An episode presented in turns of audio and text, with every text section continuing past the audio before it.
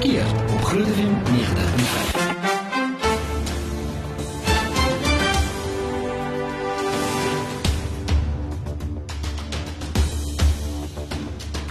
Baie welkom by Reg en Verkeerd op hierdie Dinsdag aan. Dis net na 8 om 12 minute oor 8 om presies te wees. Ons is ook op Facebook Live uh, as jy bietjie wil daar wil gaan loer en kyk en saamgesels. Ons Facebook vraag vanaand is: Dink jy as jy uh, vir 'n individu, nie 'n party nie kan stem, sal daar meer aanspreeklikheid wees? En ons hoor graag van jou. En saam met my in die ateljee vanaand uh, is Teresa Konradi. Uh, baie welkom aan jou Teresa. Dankie Pieter, is heerlik om hier te wees. Ek het hierdie CV gegaan en dit gaan vir my presies 2 dae vat net om maar deur te werk. So miskien moet jy net vlugtig so binne 'n minuut of twee 'n bietjie meer van jouself vertel, weet bietjie agtergrond en net 'n bietjie konteks te skep met uh, wie kuier vanaand saam met my. Ja. Uh, vanaand kuier ek by jou Pieter as uh, die bestuurende direkteur van Mapala Mokate Konradi Prokureurs hier in Pretoria.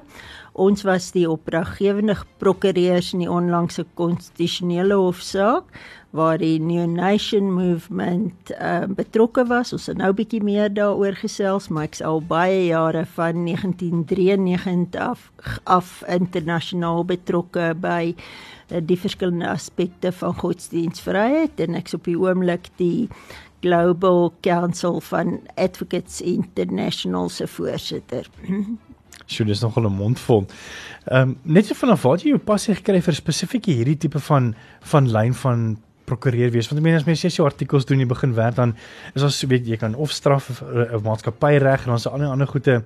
Hoe het jy op hierdie veld afgekom Jong soos die Engelse sê by default. Ehm um, ek het um, ek was in die vroeë 80er jare op universiteit en ons het um, ek dink presies 3 lesings rondom konstitusionele reg gehad. Dit was die uh tyd van die driekamer parlement in in Suid-Afrika soos ons het bykans geen blootstelling aan konstitusionele of staatsreg gehad nie. Maar ek het toe al reeds 'n belangstelling gehad en natuurlik na 94 toe en en spesifiek toe ons ons uh, nuwe grondwet gekry het, was daar allerlei aspekte wat vir ons baie baie belangrik geword het en uh, verskillende kliënte van verskillende ehm um, hoeke uh, die die godsdienstvryheid, die uh, gelykheid en dan nou in hierdie geval die uh, politieke regte het na ons toe gekom en uh, toe moet ons nou maar uh, vinnig vir onsself op hoogte bring en beskikbaar maak. Maar dit was seker 'n baie opgewonde tyd um, vir jou gewees met 1994 met die nuwe grondwet wat nou um, ek dink hulle het seker al uh, in, in 19 92 begin met die of 90 begin met die nuwe grondwet as ek dit nie mis het nie. Ehm um, ja, die ons grondwet wat eers 'n interim grondwet was, is natuurlik die 'n produk van die onderhandelings by Codesa. So ons het dit met groot belangstelling dopgehou uh om te sien dit was die eerste keer wat ons handves van menseregte gehad het. Voorheen was was ons wat 'n mens 'n uh, uh, parlementêre demokrasie sou genoem het. Met ander woorde, die enigste aspekte waarop die grondwet um, uitgedaag kon word is as die parlement in sy proses van wetgewing maak nie die proses gevolg het nie dan het dit 'n grondwetlike aspek geword. Maar toe met die met die uh, grondwet wat ons um, uh, gekry het uh, die die finale grondwet het ons die handves van menseregte gehad wat hierdie hele kollektief uh, van regte is en uh, dit het 'n hele nuwe nuwe veld geopen so ehm um, dit was maar loop en val struikel vorentoe en um, en seker toets jy weet. Ja en toets en en jy weet ek sê altyd ehm um, dat selfs ons regters en ons uh, landroste in daardie tyd uh, was van my generasie hulle het geen opleiding op universiteit gehad nie. Uh, ek kan onthou dat uh, as as 'n prokureur of advokaat glad nie geweet het wat anders hulle kan argumenteer ten behoewe van hulle kliënt nie het hulle 'n grondwetlike argument gevoer waarvan hulle geen idee gehad het en waarvan die arme voorsittende beampte ook geen idee gehad het nie. So dit was interessante tye maar as ons nou uh, uh, uh 25 jaar in ons demokrasie kyk dan is van ons regspraak uh op grondwetlike aspekte uh van die uh, uh van die mees gesaghebende in die wêreld. Soos ons moet regtig vir ons howe ons um, konstitusionele hof en ons regsgeleerdes ehm um, toegee dat hulle in die laaste 25 jaar geweldige uh, groot ehm um, hoogtes bereik het. Hmm. As jy terugkyk sover in jou ehm um, in jou lewe van sake waarby jy betrokke was, watter saak staan vir jou uit? Ehm um, Pieter, daar's daar's verskillende goed om om verskillende redes. Ehm um, die hele kwessie van ehm um, godsdienstvryheid lê my baie baie na in die hart. En as ons nou terugkyk na die regspraak en hoe die reg rondom artikel 15 van die grondwet oor die laaste 25 jaar ontwikkel het, dan is dit amper asof dit agtergebly het. Die um, gelykheidsbeginsel soos hulle in artikel 9 van die grondwet ehm um, uh, gestel word, daar's baie daar rondom, maar daar is eintlik nog bitter min rondom die reg van geloof, die reg van uh, uh gewete ensovoorts ensovoorts. Soos ek dink as my hart op 'n plek lê is dit om daardie daardie veld van die reg uit te brei. En ehm um, en en dit um in sy regte plek te stel teenoor die ander regte. Dis altyd 'n mens balanseer altyd verskillende regte van van groepe, individue ensovoorts, maar jy balanseer ook die verskillende regte in die in die grondwet. So ons was betrokke by die saak rondom die ehm um, die die godsdiens in die skole, die uh, religious observances soos hulle dit genoem het. Dit was 'n baie baie interessante saak en ek dink ons het nog nie regtig vir mekaar gesê wat is 'n religious observance nie. Is dit net om 'n saalopening met gebed te open of is dit om 'n sluier te kan dra of 'n what would Jesus do bandjie om jou om jou arm so daar's daar's geweldig ehm um, uh, ruimte nog vir ontwikkeling uh daar rondom. Maar um, ek het in 'n huis groot geword waar my pa aangedring het dat ons twee maal op 'n dag 'n koerant lees. Vir die lesers van my generasie sal onthou dat dit in die oggende die Transvaaler was en in die middag die Vaderland. En my pa het nie belang gestel om 'n gesprek met jou te voer tensy jy albei daai koerante gelees het nie. Wow. En ehm um, so so ek het in 'n huis groot geword waar uh, ek Um, ek het in so Buster Engels Afrikaanse huis groot geword en ek's van kleins af toegelaat om my eie opinie te hê. So ek dink is maar iets wat van kleins af um, jy weet gekoester is in ons huis. Mm. Om terug te kom na vanaand se onderwerp waar ons 'n bietjie gesels het wat ek ook nogal baie opgewonde is om te sien wat gaan gebeur. Uh is die feit dat ehm um, julle nou half die konstitusionele hof genader het om te sê dat die OVK ehm um, moet nou half hulle reëls herskuif om te sê dat dat individue toegelaat gaan kan word om dan self as 'n uh, sonder 'n politieke party maar meer as hulle self as 'n brand te kan staan en uh, ons gaan 'n bietjie nou net daarna 'n bietjie daaroor gesels. Ons Facebook live vraag vanaand is dink jy as jy vir 'n individu en ek praat nie van 'n party nie, 'n persoonlike individu kan stem sal daar meer aanspreeklikheid wees? Dis ons Facebook live vraag, laat weet gerus daaroor. En as jy enige ander vrae het op ehm um, uh op uh, ons WhatsApp lyn 061 6104576 en onthou ook is dan standaard dit begin ons is net hier na weer terug. Reg of verkeerd op Groot FM 90.5.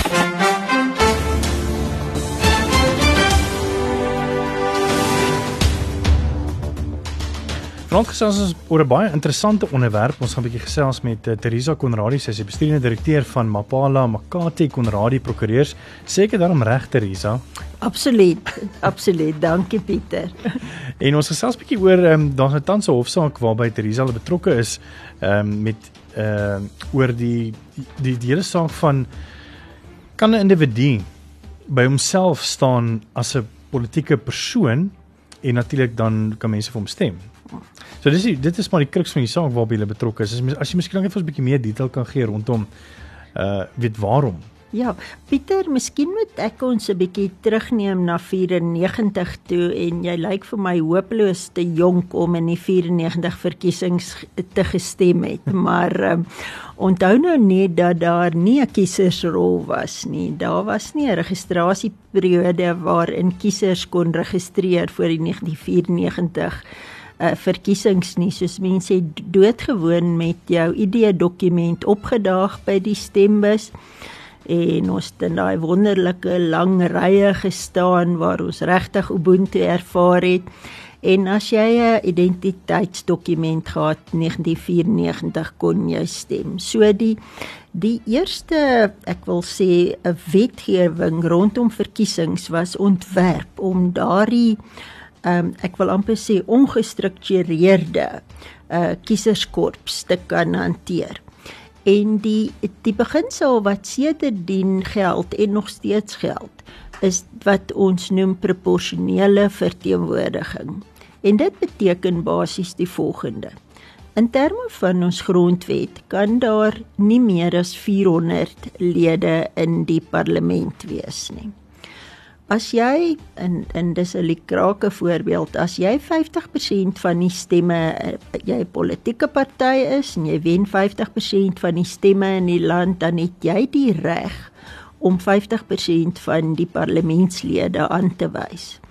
En ons hoor altyd van die lyste van politieke partye. Soos hulle sal die eerste 200 mans en vrouens op hulle lys dan aanwys as parlementslede. En as jy 10% van die uh, stemme wen dan kan jy 40 parlementslede aanstel. Ek hoop my wiskunde komende van uh, Laerskool Oosterlyn op Waterval boven is nou nog heeltemal in orde. Maar uh, met ander woorde, die die jy jy kan nie vir 'n individu gestem het nog nooit in ons land nie op nasionale vlak en op provinsiale vlak. Jy moet vir 'n party stem en dan jy oorgenaat aan oorgelaat in die genade van die party. Ek sal nou 'n bietjie iets sê oor aanspreeklikheid hmm. ensovoorts.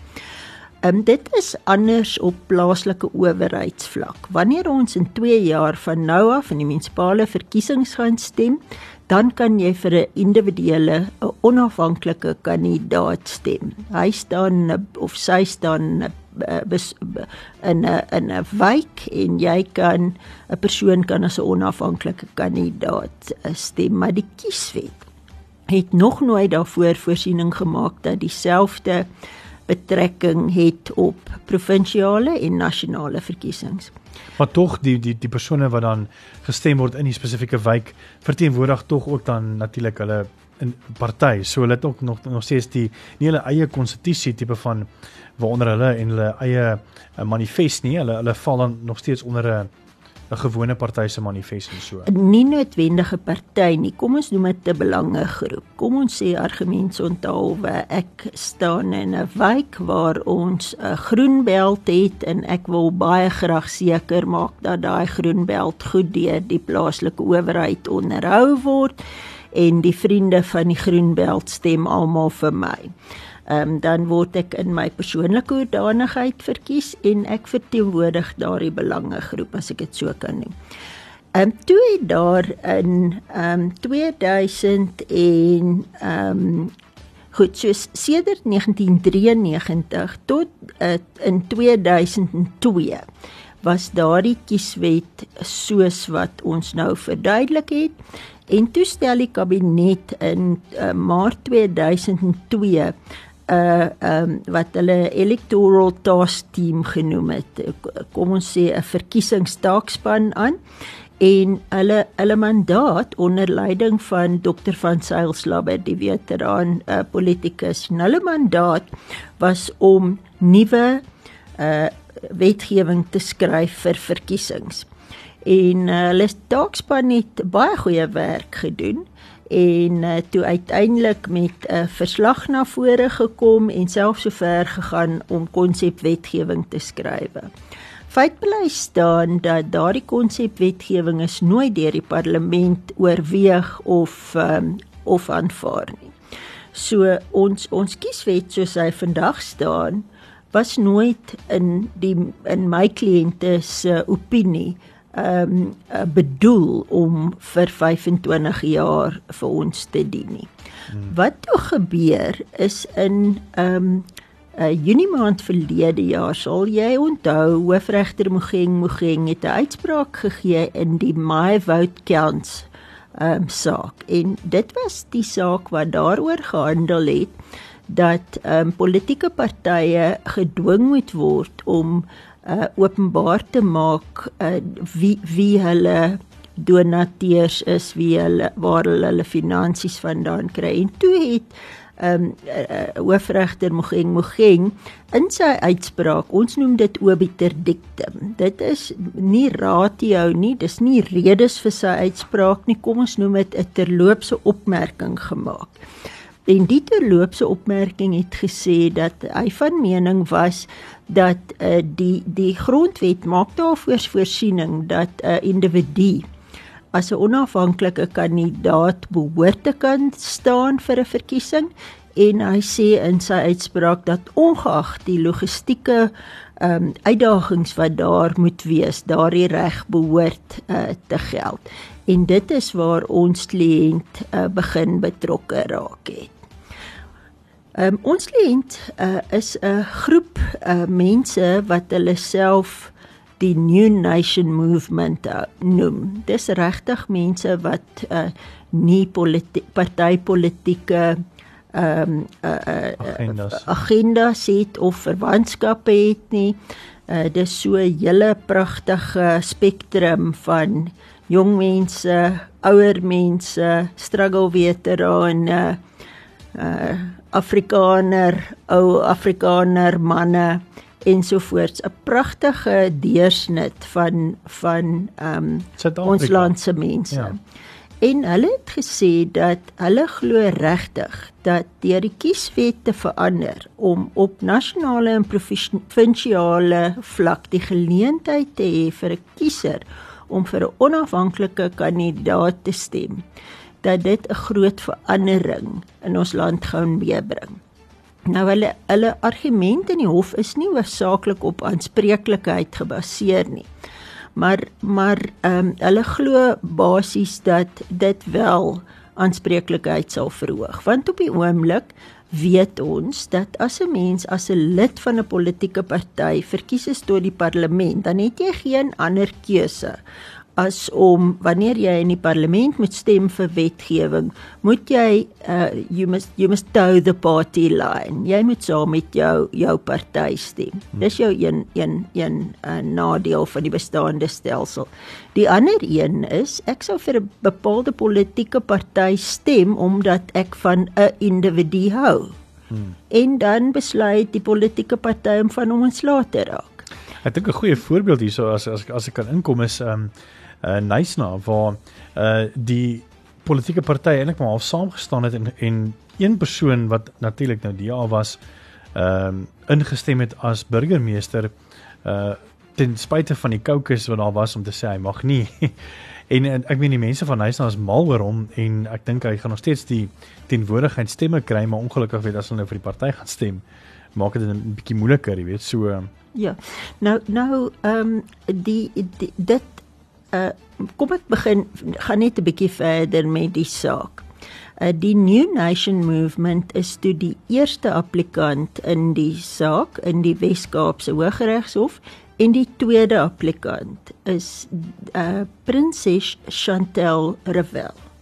Sy is 'n prinses van die New ag van die First Nation van die Khoisan mense. En dit was my wonderlike voorreg oor die laaste paar maande om die koninklikes van die Khoisan te ontmoet en te sien met watter waardigheid en watter respek ehm um, hulle optree en hulle mense hulle, hulle behandel. Uh haar haar uh, die New Nation Movement het gesê dat hulle vir die hof wil vra om die kieswet ongrondwettig te verklaar, onkonstitusioneel te verklaar omdat dit nie voorsiening maak vir individu om as onafhanklike kandidaat te staan nie. Prinses Chantel haarself het gesê sy wil as 'n onafhanklike kandidaat staan en die grondwet maak nie daarvoor voorsiening nie. So om lank storie kort te maak, die die saak het al in September verlede jaar in die Wes-Kaapse Hooggeregshof uh, begin. Daar's verskom verskeie redes is dit vertraag en toe die 18de ehm um, uh, die 18de April vanjaar het uh, regter Desai uitspraak gegee en die applikante se aansoek van die hand gewys. Met ander woorde ges, gesê hy die hof gaan nie verklaar dat die kieswet ongrondwettig is nie.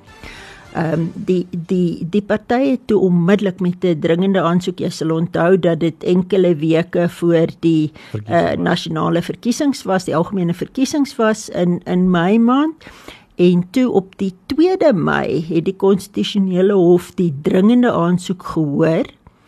Die aansoek ehm um, op grond van dringendheid uh hulle het nie toegegee dat daar dringendheid is nie en dit toe uitgestel um na Augustus vanjaar. En uh miskien sal ek um na ons breek 'n bietjie vertel wat toe in die hof gebeur het. Ons uh, Facebook live ook sê ons wil graag 'n bietjie by jou hoor uh jou opinie. Um dink jy as jy vir 'n individu en ek praat nie van 'n party individu nie, 'n individu wat wat vir homself staan kan stem, sal daar meer aanspreeklikheid wees? Laat weet gerus vir ons, jy kan ook vir ons 'n WhatsApp stuur by 061 610 4576 en onthou standaard, daar driewe geld. Ons is net hier na weer terug. Reg of verkeerd op Groot FM 90.5.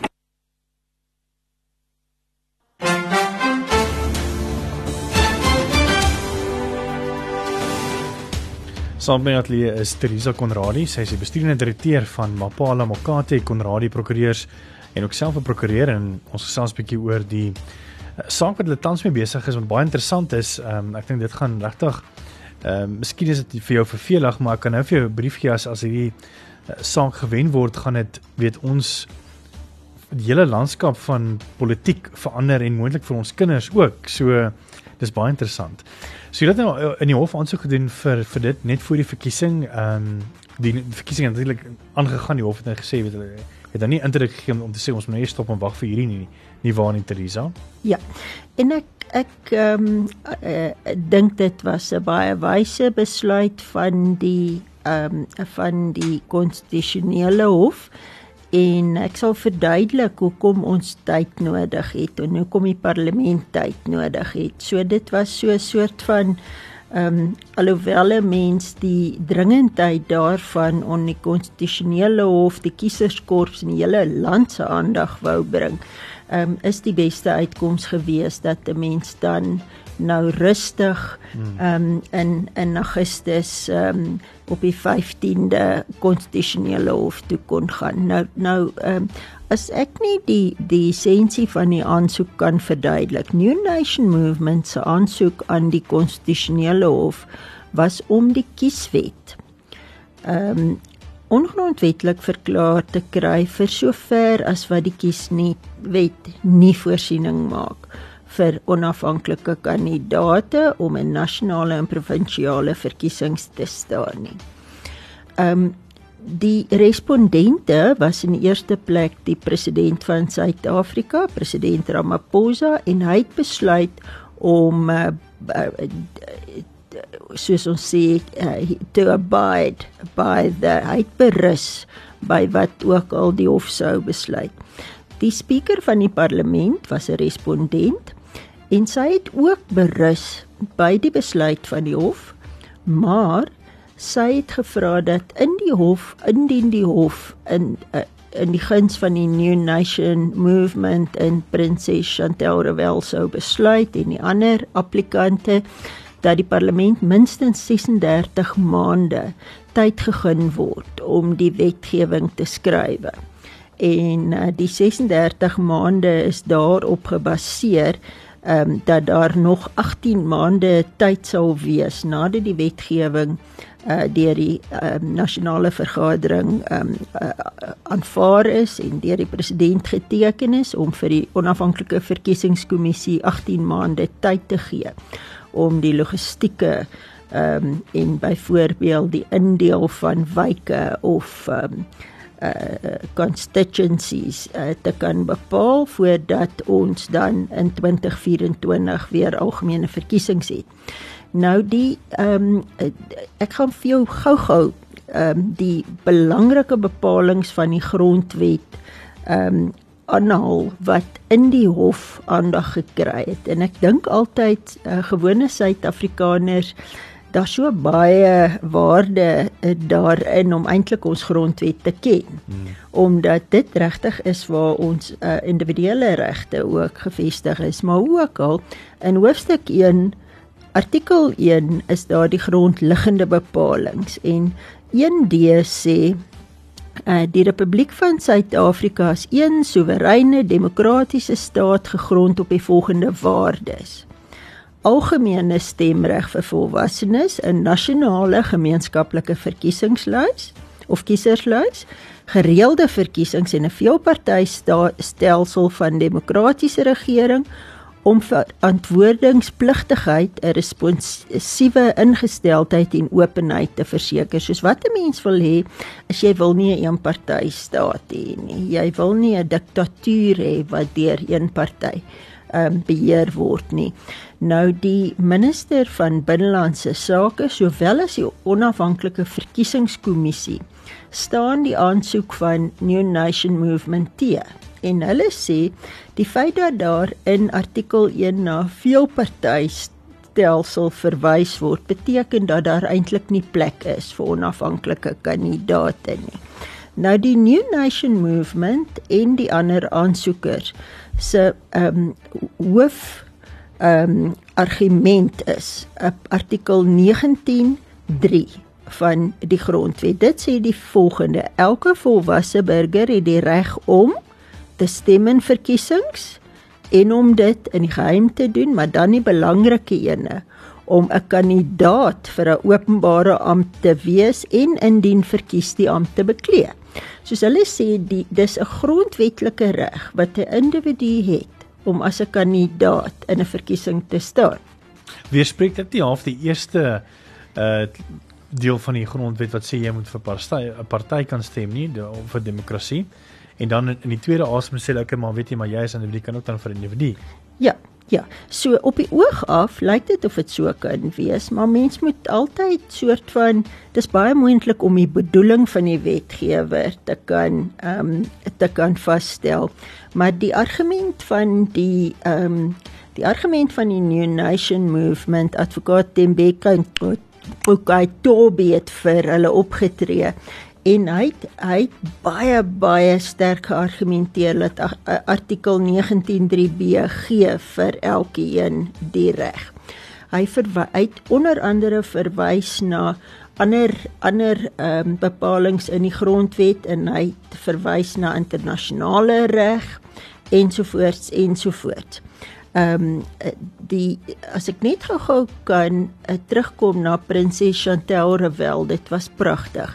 Advocate uh, Ellen Nelson senior advokaat Ellen Nelson het namens haar opgetree en hy het baie uh, hy het die die waardigheid uh, uh, menslike waardigheid as 'n grondliggende beginsel van die van die grondwet uitgelig en gesê dat die first Nation mense, die Khoisan mense het alreeds so baie van hulle waardigheid ingeboet dat hulle nie behoort uh, verhoed te word dat sy as 'n individu nie verhoed behoort te word om om as 'n kandidaat te kan staan nie. Ehm um, een van die regters het toe vir hom gevra, maar hoekom stig sy nie haar eie politieke party nie? En uh, advokaat Nelson het toe, ek dink nie dit was heeltemal tongenetjies nie, hy het gesê dat ehm um, uh, sal 'n mens vir die uh, koningin van Engeland vra om 'n eie party te stig. Hmm. En dit het soort van die beginsel uh, meegebring. Die die minister van binnelandse sake en die ehm um, en die onafhanklike verkiesingskommissie se advokate het geargumenteer dat daar nie grondwetlike reg is nie dat uh, die die keuse lê by die parlement die parlement moet kan besluit of die uh, wetgewing wel geleentheid gee of nie geleentheid gaan gee nie.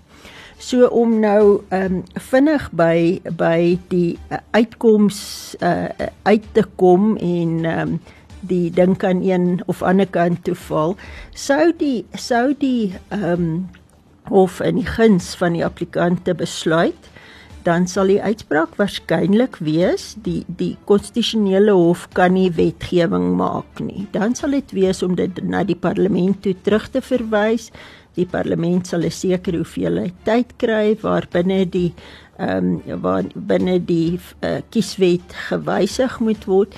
En ek wil sommer nou al vir Groot FM se luisteraars sê as ons by daai punt kom moet ons nou nie aan die slaap gevang word nie. Dan moet ons deelneem aan die openbare uh, deelnemingsproses en en en en ons menings lig ensovoorts sou die sou die aansoekers se aansoek van die hand gewys word? Die parlement het aangedui dat hulle in elk geval daarna kyk. Ehm uh, maar die vraag is natuurlik die oomblik wat dit in die parlement se hande is, dan kan 4 van die 400 parlementslede onafhanklik is wees of 250 van hulle kan wees. So soos jy nou nou gesê het, dit het die potensiaal om die politieke landskap vir altyd te verander. Maar ehm um, of of die regerende party en die ander dominante partye of groot partye in die land eintlik uh, aptyd het om uh, van hulle van hulle dominante posisies hmm. ehm um, uh, ehm uh, uh, prys te gee is is is 'n goeie vraag. Ek neem aan u het seker al hier hieroor gedink. Ek meen maar kom ons sê ek staan vir president en ek kry uh soos die ja 30% ook wel die ek dink 26 of 24% gekry maar kom ons sê ek kry 30% van die totale kiesers se stemme as 'n individu ehm um, dit beteken dat ek natuurlik dan uh 30% van die 400 van die 400 uh, sitplekke vat. Maar ek is 'n individu so kan ek dan mense aanstel om dan maar ben dan is jy mos maar eintlik maar net weer 'n politieke party nie waar nie? Of hoe dit waarskynlik sal werk en ek meen ons spekuleer nou omdat daar nog ehm um, wetgewing geskryf sal word maar tipies sal dit iets sê soos die volgende. Kom ons sê argumente onthaalwe dat daar in die afgelope verkiesing 20 8 20 miljoen mense gestem het so dit beteken dat daar vir elkeen van die ehm um, uh, van die uh, kandidate ehm um, nou moet ek nou moet ek my sommetjies maak. 20 miljoen gedeel deur deur 400. Ek dink dit is omtrent 50000 nie waar nie. Of is dit 5000? Maar met ander woorde die oomblik wat jy ek soveel uitstemme het, het jy 'n plek in die in die in die uh, nasionale ver, vergadering. Soos dit sal nie beteken dat jy meer as een plek kry nie. Daar sal 'n minimum hoeveelheid stemme wees om een plek te kry. 'n Ander moontlikheid is en die die beswaar daarteen is dat dit te veel herinner aan die ou Westminster stelsel en die partytetiese ag die apartheid stelsel hmm. is dat ons weer in kiesafdelings stem en dat 'n mens dan die uh, lid vir uh, uh die lid vir Linwood word uh of of wat ook al met ander woorde jy wen die setel vir Linwood maar dit sal soos ek sê dis spekulasie ons sal um, as ons in ons aansoekslaag sal dit die parlement se werk wees vir wat vir hulle uitgeknip sou wees. Net so vinnig, hoe lyk die tydlyn? Ek weet jy was nou die 15 Augustus in, in die hof gewees.